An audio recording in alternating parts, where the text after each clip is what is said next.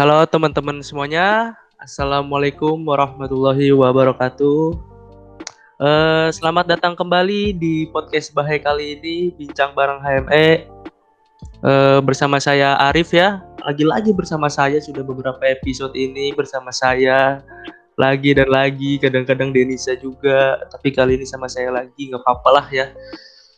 Eh, mungkin ada yang sedikit berbeda dari podcast Bahaya kali ini ya yang biasanya kita di FPTK kali ini menggunakan konsep baru, konsep spesial menggunakan online soalnya kita harus beradaptasi gitu kan ya.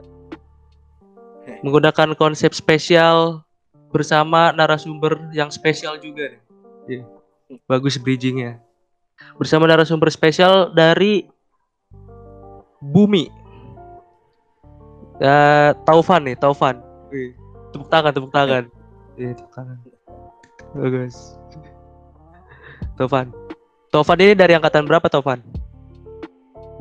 Eh, kebetulan Taufan ini dari angkatan 2019. Oh, iya. Sama berarti. Nggak apa-apa itu basa-basi aja sih. apa kabar Topan apa kabar? Alhamdulillah sehat. Gimana Arif? Sehat Arif? Alhamdulillah sehat lah. Alhamdulillah sehat eh Taufan ini oh ya sebelumnya jelasin dulu Bumi itu apa sih Bumi BO kan sama seperti EFC gitu kan Iya betul. nah tapi Jadi mungkin badan ya silakan silakan apa gimana? ya silakan silakan Jadi badan BO Amepa Bumi ini merupakan eh, wadah atau suatu perkumpulan organisasi bagi eh, terkhusus untuk mahasiswa DPTE ya, Dep- Departemen Pendidikan Teknik Elektro yang hobinya sama, yang mimpinya sama untuk menjaga lingkungan, yang suka eh, konservasi alam dan sebagainya. Eh, maka tempat untuk eh, orang-orang tersebut kami wadahi di Amepa Bumi tersebut. Ini hasilnya khusus untuk eh, mahasiswa elektro saja internal, jadi tidak ngundang atau tidak dapat mahasiswa lain misalnya eh, prodi lain masuk ke Amepa Bumi ini tidak bisa seperti itu. oh jadi Amepa Bumi ini menurut saya juga kirain cuma sekedar eh, mahasiswa elektro yang mencintai alam gitu-gitu ternyata menjaga lingkungan juga ya kayak gitu Ya betul. Jadi si Amepa Bumi ini sebenarnya bergerak di empat cabang ya. Yang pertama Gunung Hutan, kemudian di eh, Arung Jeram, Panjat Tebing dan Susur Pantai untuk saat ini.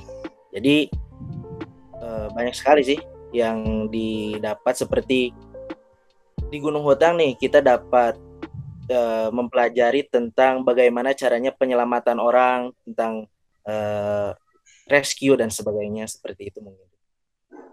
Oh, nah ini saya baru tahu nih kan, saya baru tahu nih. Ternyata bumi itu ada cabang-cabangnya juga gitu. Tahu saya kan, yang sepenglihatan saya, sudut pandang saya itu bumi itu ya cuma udah gitu menjaga alam, terus mungkin cabangnya cuma daki gunung gitu-gitu doang. Ternyata banyak ya, ada arum jeram gitu-gitu juga ya. Ya jadi kami nggak hanya bermain, jadi kami ingin mencari ilmu sambil mencari ilmu. Kita mencoba untuk menggali hal-hal yang lain, tidak hanya bermain. Kita gunakan eh, hal bermain itu untuk kegiatan yang lebih positif lah. Biar nggak disangka, ah anak pencinta alam cuma main doang, kan suka ada gitu. Ah iya iya.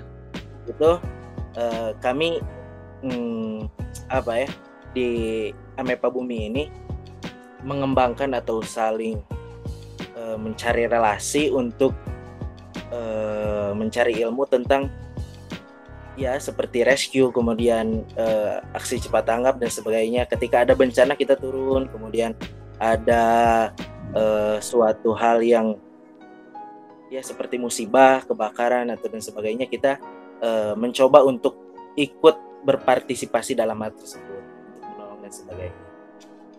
Hmm, seperti itu. Eh, tapi kalau Taufan sendiri nih, mulai tertarik sama hal-hal seperti itu dari kapan sih?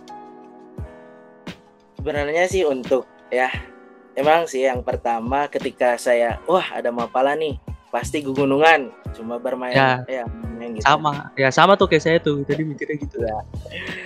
Dari sejak SMA saya sudah suka eh, ya tentang naik gunung gitu, suka tadabur, tadabur alam dan sebagainya. Nah kemudian ketika masuk eh, perkuliahan, saya lihat nih, wah ada khususnya untuk eh, angkatan eh angkatan untuk mahasiswa elektro. Jadi apa yang nggak terlalu luas itunya apa eh, relasinya bukan relasi apa ya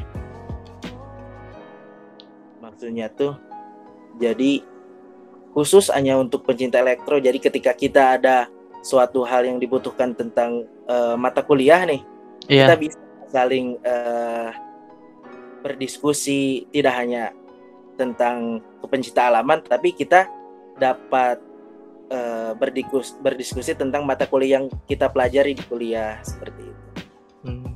Berarti awalnya dari SMA ya? ya Oh, dari SMA terus masuk ke kuliah, kebetulan eh, di kuliah elektro ada yang mewadahi hobi tersebut. ya betul Eh, tapi dulu sebelumnya itu ada nggak sih? Kan setahu saya nih kayak yang ke alam-alam gitu ada nih larangan dari orang tua ya kan? Takut inilah takut itulah. Ada nggak sih sebelumnya larangan-larangan gitu? Ya pasti pasti ada. Orang tua itu kan suka apa ya bahasa Sunda melang gitu ya. Hmm. Eh, khawatir kalau anaknya itu eh, jauh dari orang tuanya. Apalagi khususnya suku Sunda ya suka gitu rata-rata. Tapi eh, kalau kita hanya berdiam diri saja di rumah kemudian kita eh, bahasa gaul nama kita diam di zona nyaman kita tidak akan mendapatkan hal yang baru. Kita hanya tetap di ruang lingkup yang sama. Jadi saya mencoba untuk eh, memaksakan diri saya, saya mencoba berdiskusi dengan keluarga saya, ibu saya dan keluarga saya, ya untuk eh, mengizinkan saya untuk mengikuti eh, mahasiswa atau mapala ini seperti itu. Pasti sih kalau untuk larangan dari awal-awal sudah ada seperti itu. Tapi Eh. bagaimana kita eh, apa ya berdiskusi agar kita dapat mengikuti organisasi tersebut. eh berarti ada suatu hal yang membuat orang tahu eh, orang tua Taufan ini percaya kan Iya. dengan Taufan. Apa sih kayak hal-hal yang membuat percaya itu apa biasanya? biasanya kita apa ya Taufan kalau Taufan pribadi ya mengatakan bahwa saya tuh udah besar mah gitu gak gak sebaiknya mama untuk melarang melarang melarang saya untuk melakukan hal ini bahwa ketika eh, sebagaimana yang tadi telah sampaikan ketika saya hanya berdiam diri saja di rumah saya tidak akan mendapatkan hal yang baru seperti itu seperti ya saya sebutkan aja bagusnya ini bagusnya ini tapi kekurangannya saya tidak akan sebutkan ya takut kan Iya. dilarang seperti itu. Dan alhamdulillahnya orang tua mengerti ya kan. Ya betul. Berarti dari SMA itu sekitar berapa? 6 tahun eh 5 tahun ada sampai sekarang ada ya? Gimana Iya, gimana? Dari SMA 5 tahun ada sampai sekarang. Oh ya ya. Ya. Ada lima. Nah, dari lima tahun ini udah berapa kali mengeksplor arah alam nih ke mana aja gitu Ya. pegunungan. naik gunung atau ya naik gunung lah apa ke mana aja ke mana aja biasanya Nah, yang udah- Taufan yang paling jauh paling juga ke Merbabu ya ke Jawa. Untuk eh, sekitarnya yang paling dekat cuma Cermeng, kemudian eh, Burangrang, terus eh, Papandayan, Cikuray dan sebagainya. Banyaknya juga paling juga itu apa? Eks, bukan ekspedisi apa ya? Eh, jadi nggak satu gunung yang tinggi tapi pegunungan jadi naik turun gunung seperti naik eh, pegunungan Cadas Panjang, kemudian naik Gunung Manglayang, turun ke Patrol, kemudian naik ke Bukit Tunggul, nanti turun ke Maribaya tuh. Suka ada yang kayak gitu. Jadi road road trip gitu kayak Ya. perjalanan panjang sekaligus gitu ya ya perjalanan gitu, long march gitu. Hmm. Eh, oh ya Taufan sendiri domisili di mana Gimana gimana? Domisili Taufan sendiri di mana? Oh, ya kebetulan Taufan diam di berdomisili di Jatinangor ya di Sumedang. Oh di Sumedang. Berarti tadi Merbabu ya paling jauh ya? Ya betul di Merbabu. Berapa hari tuh dari keberangkatan rumah? Da, jadi si sekitar seminggu satu seminggu uh, satu minggu dari keberangkatan pulang ya Senin berangkat pulang pun hari Senin gitu. Wow. Jadi waktu itu pas ke Merbabu itu ketika pas awal-awal corona ketika di 2020 tepatnya di bulan Maret ya. Baru ya? Iya, tahun yang lalu. Jadi uh, ketika manjat ke Merbabu itu diumumkan nih di grup kelas gitu. Katanya uh, kuliah diliburkan di jadi belajar di rumah. Ah, kayak gitu. Jadi kurang kurang apa ya? Kurang bergairah untuk uh, untuk menaiki gunung yang selanjut selanjutnya. Jadi karena ya corona ya gitu. Jadi gak bisa. Berarti dari kapan nih kita tuh ya? Maret. Dari Maret sampai sekarang belum naik-naik gunung lagi tuh? Ya paling juga pernah naik gunung tapi gunung-gunung yang dekat lah, nggak sampai keluar eh, kota, nggak keluar ya, nggak sampai keluar kota, cuma di daerah Bandung, daerah Sumedang nggak jauh-jauh. Biasanya apa tuh peraturan di masa pandemi sekarang kayak gini?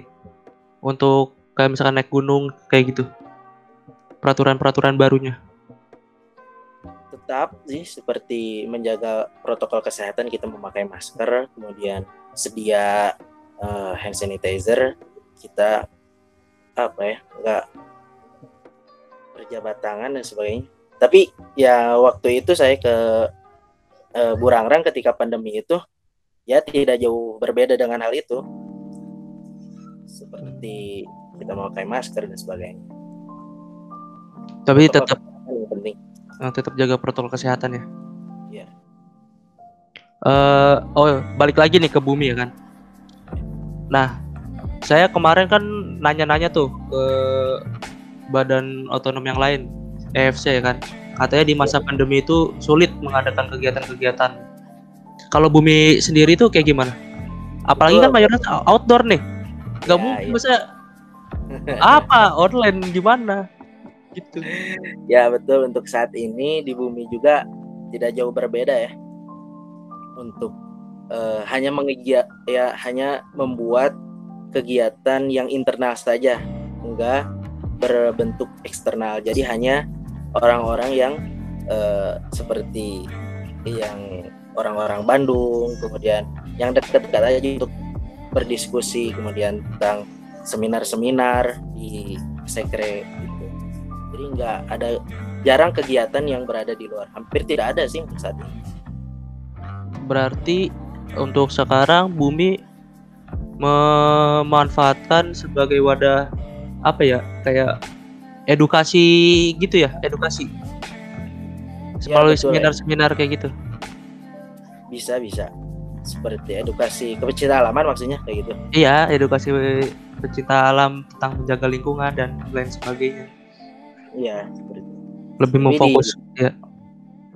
Suka juga di bumi itu diajarkan bagaimana kita uh, planning, kemudian kita SWOT ya, tahu gitu kode hmm. SWOT. Oke hmm. oke, okay, okay, bentar uh, bentar. Dari dari awal ya, dari awal ya. Berarti uh, apa yang diajarkan di bumi kayak gitu? Mungkin kita misalkan mau masuk bumi nih, apa yang diajarkan selain ayo kita naik gunung atau apa? Ayo kita ini outdoor atau gimana? Apa nih? Apa aja yang diajarkan oleh Bumi? Itu aja.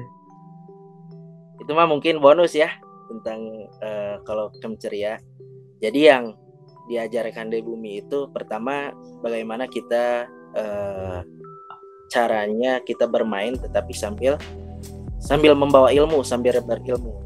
Bagaimana kita uh, menjaga solidaritas juga ada di sana. Kemudian di bumi juga diajarkan bagaimana kita mengatur uh, bagaimana caranya kita ngeplan dari awal sampai akhir kita harus sesuai dengan plan itu. Seperti kita uh, apa ya ketika kita berangkat tuh di saya kira harusnya jam 7 nah seperti yang tertera di jadwal kita juga maka harus berangkat jam 7 jadi kedisiplinan kita uh, ajarkan di Amepa Bumi tersebut kemudian dari hal yang lain nih seperti uh, bagaimana cara ngepacking untuk ke carrier yang bagus kemudian uh, tata cara atau uh, ya tata cara untuk menaiki gunung atau arung jeram yang baik kemudian panjat yang baik seperti itu. Banyak sekali sih untuk ilmu-ilmu yang didapat di bumi ini. Uh, apa ya? Untuk organisasian pun bisa didapat di Amepa Bumi ini seperti bagaimana kita uh, bersosialisasi dengan kakak tingkat, kemudian sosialisasi dengan lingkungan masyarakat dan sebagainya uh, berarti cukup detail ya hal yang diajarin dari Amepa Bumi ini. Tadi oh, ya. sampai hal menyusun carrier loh diajarin. Iya. Karena saya juga baru tahu kan kayak barang-barang yang dimasukin ke dalam carrier itu harus disusun sedemikian rupa. Iya betul. Jadi di carrier itu tidak asal nyimpen kan. Ketika badan kita jadi si carrier itu disesuaikan dengan tubuh atau postur badan kita ketika uh, yang misalnya nih sleeping bag disimpan di mana kemudian makanan disimpan di mana pakaiannya di mana nah itu ada peraturannya agar ketika kita nanti menaiki gunung jadi kita si punggung itu nggak nggak sakit atau nggak pegal kayak gitu Hmm. Oh ya buat yang nggak tahu carrier itu tas ya tas yang buat naik gunung kayak gitu. Takutnya ya. ada yang ya takutnya ada yang nggak tahu nih ya. gitu. Banyaklah cari di Google. Ada ukurannya juga beberapa liter gitu kan. Ya. Hmm. Nah tadi sempet disinggung deh. Diajarin gimana cara naik gunung yang baik atau ya tata cara prosedur prosedurnya lah, ya kan? Tapi di TV itu cukup banyak nih berita-berita atau di media sosial lah tentang pendaki gunung yang hilang atau hipotermia dan sebagainya. Nah ini faktor-faktor apa aja sih kira-kira yang bisa ke kejadian itu gitu? Terjadi kejadian itu. Apakah dari faktor pendakinya sendiri atau dari medan alam yang sulit? Karena itu juga mempengaruhi apa ya? kepercayaan dia tentang izin ke orang tuanya atau bagaimana kayak gitu kan apa tuh faktor-faktor yang terjadi seperti itu supaya kita bisa belajar juga kan sama-sama biasanya untuk uh, hal tersebut faktor yang sampai kecelakaan kayak gitu ya alam itu nggak bisa dilawan sama kita ya. Cuaca ya, kemudian kayak gitu. Sebenarnya itu balik lagi ke uh, diri atau orang tersebut. Ketika dia mempersiapkannya dengan benar, dengan lengkap, tidak ada uh, apa ya, tidak ada kekurangan sama sekali untuk menaiki gunung tersebut. Dan ketika dia pikirannya lengkap, kemudian ya hatinya hatinya ada, pikirannya ada, jasadnya ada, jadi tidak ada uh, seperti apa ya namanya tuh. Jadi ketika misalnya kita naik gunung nih kita hmm. semuanya hati akal jasad itu harus ada apabila salah satunya tidak ada seperti ah, malaweng bahasa Sundanya jadi ngelamun ke mana aja kayak gitu itu bisa bahaya dah seperti itu lalu faktor yang uh, lainnya pun ketika menaiki gunung itu lebih bagusnya untuk sendiri eh bukan sendiri bersama-sama sama orang lain. Jadi ada teman untuk menaiki atau untuk mengambara di gunung tersebut. Jadi ketika kita berkelana atau naiki gunung jangan hanya sendiri. Jadi ketika ada temen nih kalau titip salam misalnya ke temen kalau saya capek bilang aja kayak gitu dan sebagainya seperti mana yang tadi disampaikan ketika solidaritas kita dipakai ketika naik gunung tersebut maka hal tersebut insya Allah gak akan terjadi sih. Jadi ketika uh, satu yang satu sakit nih Topan sakit misalnya Topan sama Arif naik nih di gunung. Iya. Yeah. Topan nih sakit. Topan tuh bilang ke Arif Arif Topan gak akan kuat nih. Tapi Arif keke nih misalnya teh. Ada dua ada dua orang ada dua tipe nih misalnya Arif Iya. Arif mau ke atas. Hal tersebut sangat dilarang untuk eh, hal tersebut. Karena eh, kemungkinan-kemungkinan yang kita tidak inginkan bakal terjadi seperti ya oh, apa ya? Seperti misalnya si yang ditinggalkannya meninggal kemudian si yang di, eh, ditinggalkannya malah eh, kesasar ke mana aja dan sebagainya nah tipe yang satu lagi eh, dia berdiskusi dengan orang tersebut gimana mau turun aja atau lanjut seperti itu Nah, seperti itu jadi eh, ketika naik gunung pun solidaritas egoisme dan sebagainya itu harus dihilangkan Hmm. Berarti yang saya tangkap ada beberapa faktor nih. Apa maksudnya ada beberapa hal yang perlu diperhatikan. Misalkan tadi seperti persiapan yang matang, ya kan? Iya. Persiapan yang matang, terus ada saling menurunkan ego, Iya. ya kan? Saling menurunkan ego dan berdoa sebelum keberangkatan seperti itu kan izin juga paling penting ya kan dan paling apa ya eh tahu me, tahu medan gitu tahu tahu karakteristik medan yang ingin didaki gitu Ya betul. Jadi ketika kita naik gunung itu kita terlebih dahulu kan sekarang mah serba modern ya serba internet kita searching nih di internet bagaimana misalnya kita mau ke Gunung Burangrang kita Iya. lihat tuh konturnya bagaimana rute yang dapat kita lalui seperti apa eh, di mana dan eh, apa ya harus harus banyak har- bukan apa ya jadi perlengkapan eh seperti rutenya seperti kontur nah konturnya seperti Oh. apa kemudian apa gunungnya seperti apa dan sebagainya gitu. jadi ketika kita menaiki gunung itu hal-hal seperti itu seperti pantangan kemudian eh, rumah sakit terdekat apabila terjadi sesuatu kita harus direncanakan dari awal kemudian eh, makanan pun nih seperti makanan yang harus kita bawa untuk ke atas kita hitung kalorinya sebagai eh, biasanya sih eh, saya lupa lagi untuk ilmu kalori tersebut. Jadi ketika kita menaiki gunung tersebut jangan banyak-banyak eh, jadi apa ya si kalori tersebut harus tercukupi saja tidak berlebihan. Jadi ketika menaiki gunung itu kita apa ya si carrier itu atau si yang bawa barang bawaan kita itu tidak terlalu banyak. Jadi kita lebih diideal, diidealkan lagi untuk pembawaan tersebut. Seperti itu mungkin Rif. oh masalah kalori makanan juga diperhitungkan ya Ya betul sangat Hmm. sangat diperhitungkan. Hmm. Banyak tuh berarti hal-hal yang but- butuh perhitungan. Kayak misalkan tadi eh misalkan kita mau berapa hari estimasi perjalanan. Terus makanan yang Ya. dibawa seperti itu ya. Terus Berarti- di ya. pecinta alam juga di itu diajarkan tentang peta kompas, bagaimana cara kita Oh, iya. menggunakan kompas, ya peta kan bagaimana kalau misalnya eh, di bumi ini hilang ya satelit, kemudian hilangnya Bet- internet, maka kita yang kita gunakan peta kan, Iya. kita kembali ke ilmu dasar kita. Jadi bagaimana kita kalibrasi man to man dan sebagainya, seperti itu. Uh. Tidak semudah yang dikira berarti ya kalau naik-naik itu itu. Pengetahuan, pengalaman juga perlu ada nih lumayan nih.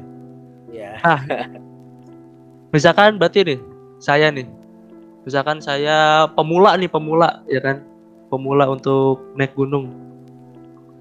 Eh hal pertama yang harus dilakuin apa? Misalkan dari dari rumah gitu deh. Dari rumah apa nih hal yang dilakuin? persiapan fisik lebih diutamakan. Apabila badan kita sudah fit, sudah siap, maka langkah selanjutnya kita memplanning apa yang akan kita lakukan, tujuan kita apa, coach, eh, kemudian apa lagi ya? Planning, kemudian watch itu apa saja sih? Oh, planning, organizing, actuating dan controlling. Nah, seperti itu. Ketika kita memplanning nih, kita dari rumah jam berapa dan sebagainya kayak gitu jadi jadi hal hal yang perlu kita uh, siapkan lebih dahulu itu fisik kita apakah kita kuat untuk menaiki gunung tersebut kalau kita ragu-ragu mending saja tidak berangkat untuk menaiki Oh, berarti misalkan saya pemula nih dari rumah minimal ajak teman lah ya, ajak teman yang berpengalaman tentang gunung tersebut. Betul, betul, bisa, bisa. Kedua jaga fisik. Ya, Fisik jaga perlu dilatih. Eh misalkan terus udah nih, udah nih kan persiapan segala macam. Berangkat. Berangkat nyampe apa yang dilakuin? kita sebelum kita menaiki gunung biasanya kita cek lagi barang-barang kita Oh, lengkap atau tidak kemudian eh, cek kesehatan lagi biasanya cek denyut nyadi si oh. nadinya dicek kemudian kesehatannya apakah setelah dari rumah ke sini apakah masih sehat apakah masih fit atau sudah sakit dan sebagainya nah kalaupun udah itu maka kita berdoa langsung berangkat berangkat.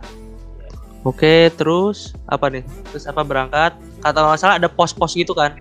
Pos Ya. buat Eh, gitu. pas di awal juga harusnya ada itu ya apa Apa? namanya Eh, registrasi kayak registrasi Oh, regis gitu. Oh, ada registrasinya.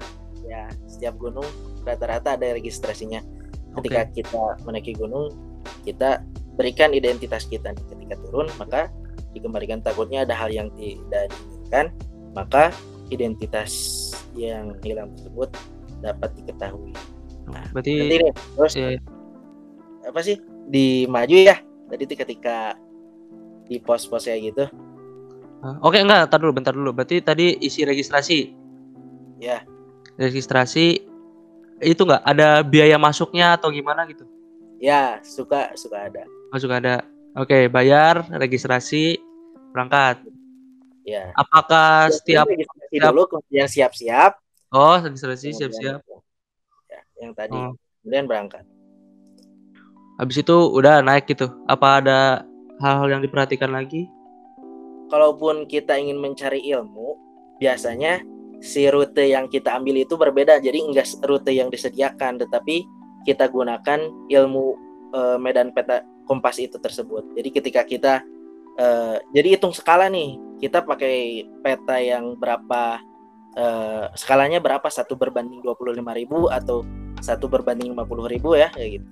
Itu yang tipe pertama apabila kita ingin menaiki gunung untuk melakukan biasanya observasi atau melakukan eh, upgrading pengetahuan tentang ilmu betan kompas. Kalaupun eh, sifatnya hanya bermain, biasanya berbeda sih sepertinya. Kayak main-main saja itu. Eh, bukannya itu lebih bahaya ya? Itu kan bukan jalur pendakian gitu. Ya, ya betul. Jadi ketika eh, kita ketika kita buka jalur nih, Iya. ilmu bedan kompas, kita lihat dulu kan peta nih ada peta. Kalaupun eh, kita kita bisa baca nih, ini konturnya kalau tipis, kalau hurufnya pi, kemudian atau kemudian gini, maka ada ada apa ya? Ada yang bisa kita lalui ataupun ada yang nggak bisa kita lalui. Jadi ketika kita melihat ketika konturnya udah sampai kontur sini, kalaupun tidak memungkinkan, kita geser sedikit nih. Kita geser, kemudian kita hitung kompas lagi, kalibrasi lagi. Balik lagi ke titik awal. Misalnya nih, dia di depan topan tebing nih. Nah, topan cari dulu hal yang lain ataupun teman topan misalnya eh, ngeliling bagaimana caranya untuk menaiki tebing tersebut. Nanti topan pun menyusul. Jadi dihitung kompas atau dibidik kompas bagaimana caranya eh, si titik A ke titik B tetap sejajar dengan puncak seperti itu. Cukup rumit ya. Ada Iya, ini. Jadi ada ada ilmu fisika, ada ilmu gizi, ilmu geografi harus dipelajari tuh. Iya. Iya kan benar tadi. Il- tentang iya kompas kan berarti kan pakai tentang medan tuh medan magnet tentang fisika kalori berarti tentang ilmu gizi kontur medan Iya, gunung betul. ilmu geografi Iya. Tuh, berarti salah tuh orang-orang yang Sekali. Suka naik gunung tapi ini dia langsung asal aja dia nggak ngerti medannya dia. Parah ya. oke berarti untuk pemula biasanya ya disarankan gunung apa sih biasanya? Untuk pemula. Untuk pemula sih ya yang deket-deket dulu aja nggak nggak nggak langsung jauh nih. Misalnya itu ada apa ya adaptasi diri kita terhadap uh, udara jadi kan ketika kita menaiki gunung ketika semakin gunung eh semakin tinggi gunung tersebut maka semakin tipis udara yang kita dapat. Iya betul. Untuk pemula sih tipsnya bukan tipsnya ya. ya uh, yang dekat-dekat dulu aja. Ketika kita misalnya di, di ketinggian 2800 sudah kuat nih, sudah sehat, maka naik ke ketinggian 3000 mdpl. Terus naik. Jangan langsung truk misalnya kita mau naik gunung pemula langsung ke Everest nih. Nah, Waduh. Susah. Kayak ini, kayak yang viral waktu itu, yang film 5 cm, 5 cm kan di Semeru, semua yeah. pada ke Semeru. Padahal mah yang pemula juga, yang yang yang maksudnya yang pengalaman mah gak apa-apa, tapi yang pemula kan akhirnya banyak yang ini juga, yeah. yang gak siap juga maksudnya kayak gitu. Terus apa lagi ya? Nah, oh ya. Tadi oh ya tadi lanjutin pertanyaan tadi. Yang pos-pos itu, pos-pos. Pos buat apa tuh? Pos tuh. Istirahat atau apa? Istirahat ya? Ya, biasanya pos itu uh, kita gunakan untuk istirahat sejenak ya. Apabila kita mengikuti jalur. Jadi kita sepakat ini sama teman-teman sama rombongan. Apakah kita mau berhenti nih di pos ini atau enggak atau mau lanjut? Kalau mau uh, istirahat istirahat semuanya kalau enggak enggak. Jadi pos itu hanya tempat uh, kita beristirahat dan uh, sambil apa ya ya istirahat doang sih sebenarnya. Hmm. tujuan utamanya di pos itu. Kalau Taufan sendiri memilih kualitas perjalanan atau kuantitas perjalanan nih?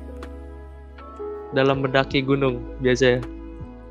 Kualitas maksudnya kan nah, nggak apa-apa deh lama yang penting nyampe atau kuantitas. Teman sih? Nggak nggak memperhatiin itu ya. Jadi kalau kita naik ah yang penting kita olahraga kemudian kita mendapatkan ilmu dan sebagainya. Jarang sih kalau kita uh, harus harus harus dapat kualitas dan kuantitasnya. Oh. jadi jadi gimana? Untuk topan pribadi nggak nggak ada yang lebih diunggulkan jadi setara sih. Yang penting dapat yang penting dapat pengalaman baru ya.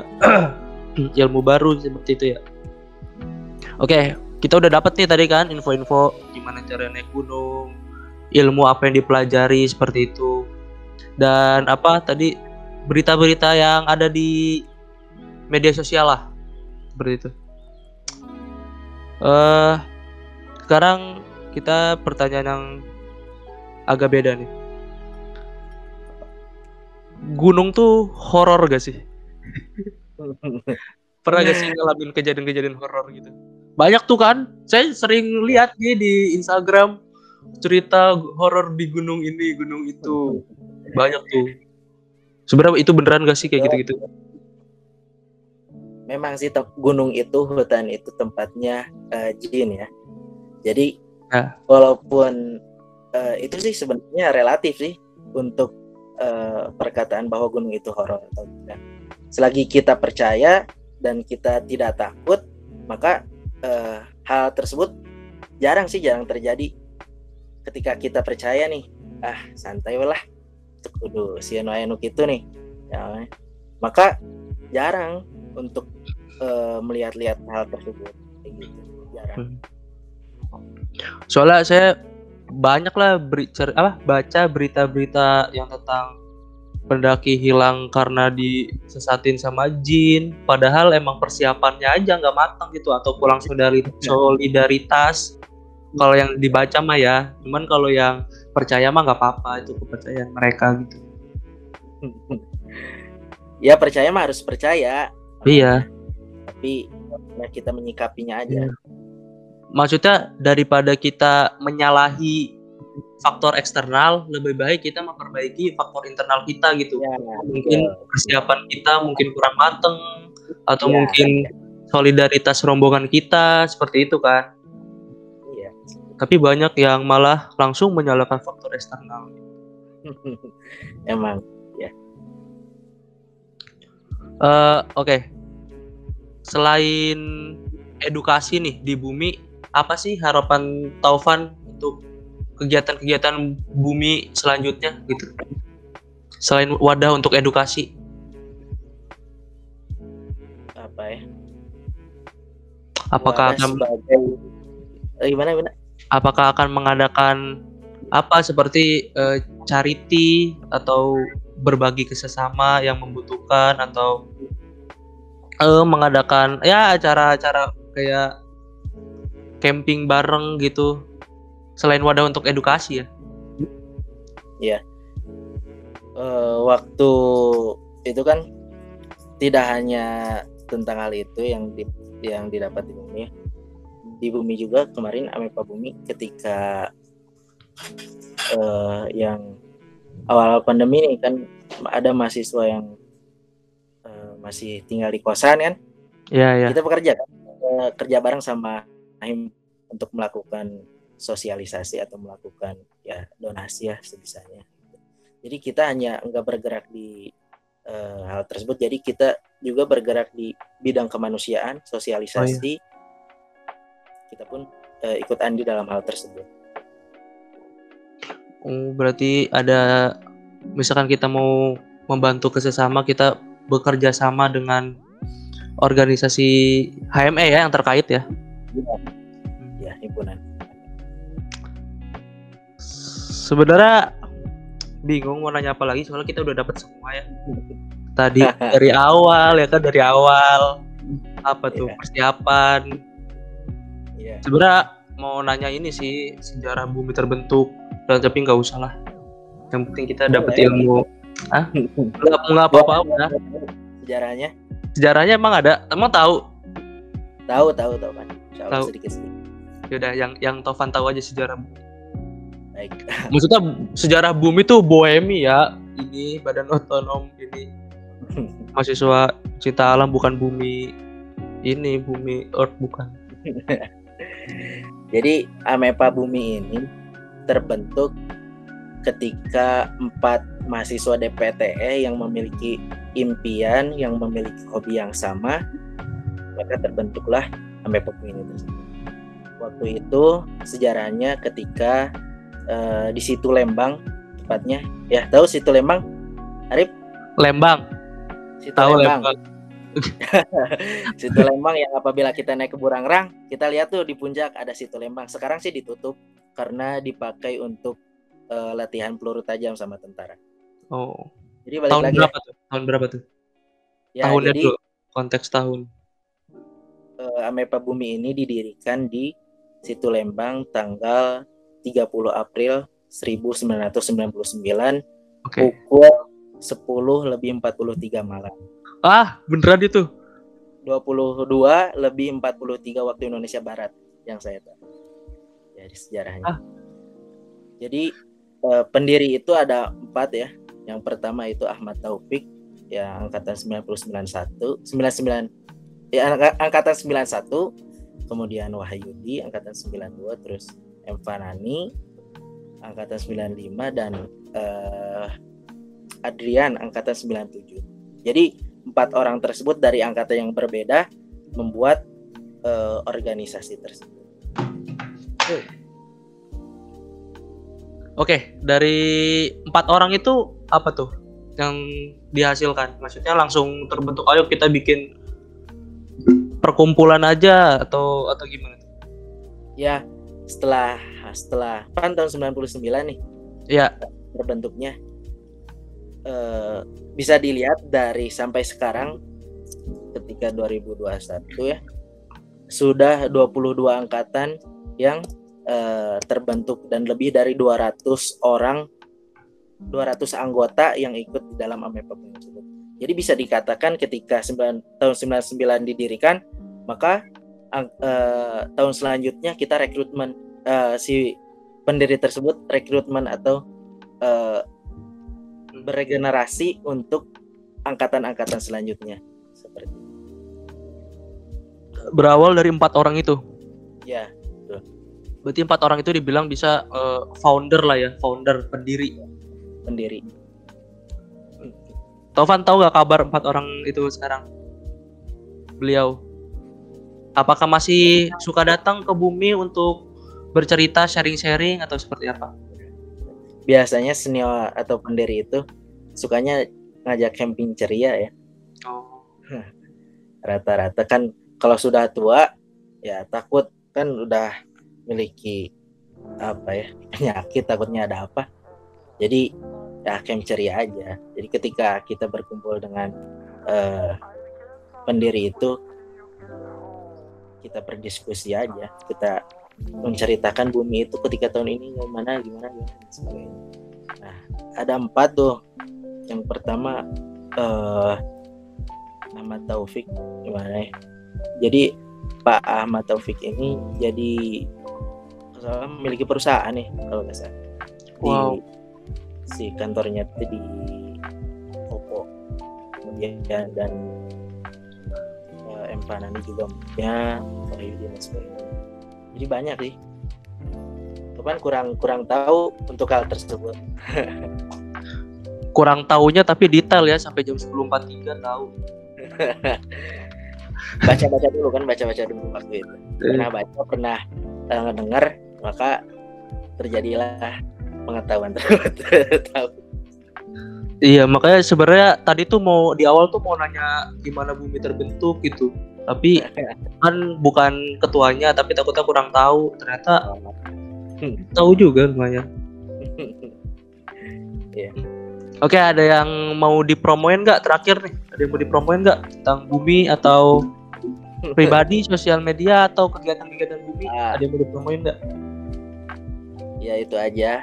Sok silakan yang mau eh, ikut bergabung ke Amepa Bumi. Untuk tahun ini sih belum direncanain untuk open recruitment ya kita tahu.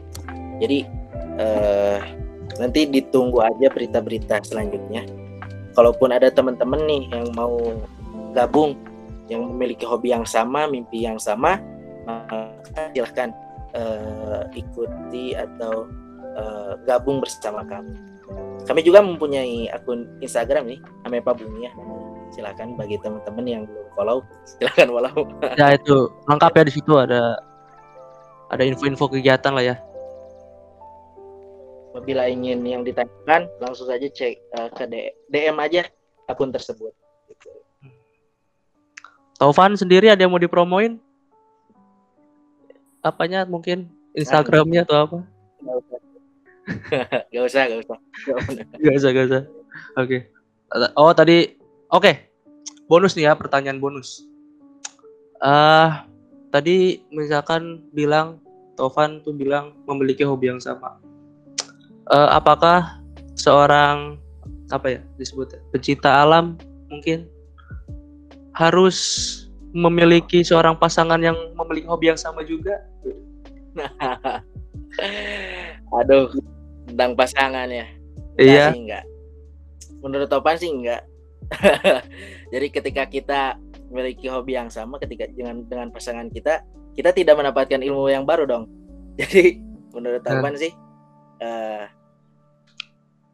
bi- boleh, boleh memiliki eh enggak enggak salah memiliki pasangan dari Hmm. dari organisasi atau pecinta alam yang sama. Tapi eh, Topan sendiri pribadi nih Hmm.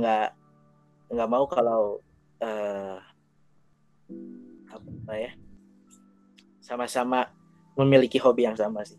Jadi ketika nanti eh kita bosen ataupun eh ya apa ya apa kurang ya bosen-bosen kayak gitulah kita bisa eh, mencoba hobi yang pasangan kita sukai. Seperti Hmm. itu Mungkin kalau yang punya hobi yang sama bisa bisa saling sharing gitu kan. Hmm. yang biasa pasangan biasa misalkan pacarannya ke mall ini ke Lawu ke Lawu Ayo, Iya. ayo kita nonton ke mana ke Lawu, ke Semeru. Tiketnya murah, tapi jalannya capek. Argo Puro tuh cobain panjang Waduh, di mana tuh? di Jawa mana ya? Jawa Timur, Jawa Tengah, lupa lagi sih Toban. Untuk Argo Puro. Itu kan eh, gunung yang dengan trek yang terpanjang kan? Argo Puro itu.